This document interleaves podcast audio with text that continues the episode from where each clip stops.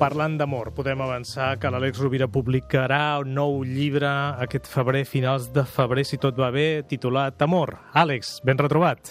Hola, estimat Gaspar. Una, una reflexió voltant de l'amor. Molt doncs... interessant. Moltes gràcies. Gran Gaspar. tema, gran tema. Gran... El, el tema, el tema. és el tema. Uh, L'abordatge que, que em faré en el llibre que ha de sortir al febrer no és només des de l'amor de parella o eròtic, sinó que és l'amor. És l'amor, amb, amb, amb, amb majúscules i amb tots els possibles vincles que establim. I d'alguna manera el llibre l'he dividit en tres grans apartats. En primer lloc, defineixo l'amor com la voluntat de comprendre la singularitat de l'ésser i les seves circumstàncies. És a dir, no té sentit que proclamem l'amor cap a algú si no tenim la voluntat sincera, honesta, de, de comprendre la persona i les seves circumstàncies. Per tant, l'amor té una dimensió mental, cognitiva, d'observació, de reflexió.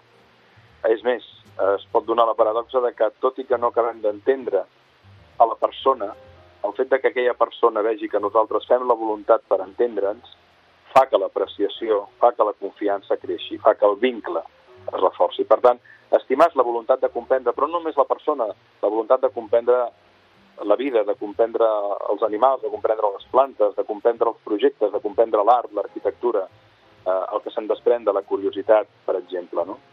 També estimar, sobretot, el segon gran eix del llibre és que estimar és cuidar. És el sinònim més directe. No té sentit que proclamem l'amor per algú si no hi ha un comportament coherent, observable, amb la proclama de paraula que fem. Si diem t'estimo però no actuem en, en coherència, no hi ha estimació. És una idealització, és una projecció, és una fantasia. Estimar, en definitiva, implica un comportament coherent. Implica, sobretot, la cura, la cura, procurar el bé d'aquella persona i propiciar les circumstàncies objectives en la seva existència perquè pugui realitzar la seva plenitud. I, finalment, estimar és inspirar. De la seva etimologia, preciosa etimologia d'inspirar, vol dir fer gran.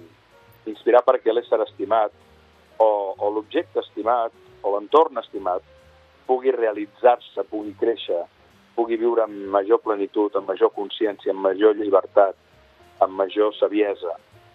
Per tant, estimar és comprendre, és cuidar i és inspirar, perquè l'ésser estimat pugui construir realitats diferents, que ajudin a altres a que també creixin i construir nous sentits de l'existència que ens permetin tirar endavant, especialment en moments d'adversitat. En definitiva, l'amor fa gran la vida, però la fa gran des de la humilitat, la fa gran des dels peus a terra, la fa gran des de la humilitat d'aquell que vol servir, que vol cuidar, que vol comprendre i que vol inspirar. Àlex, moltíssimes gràcies. Esperarem aquest llibre i en continuarem parlant.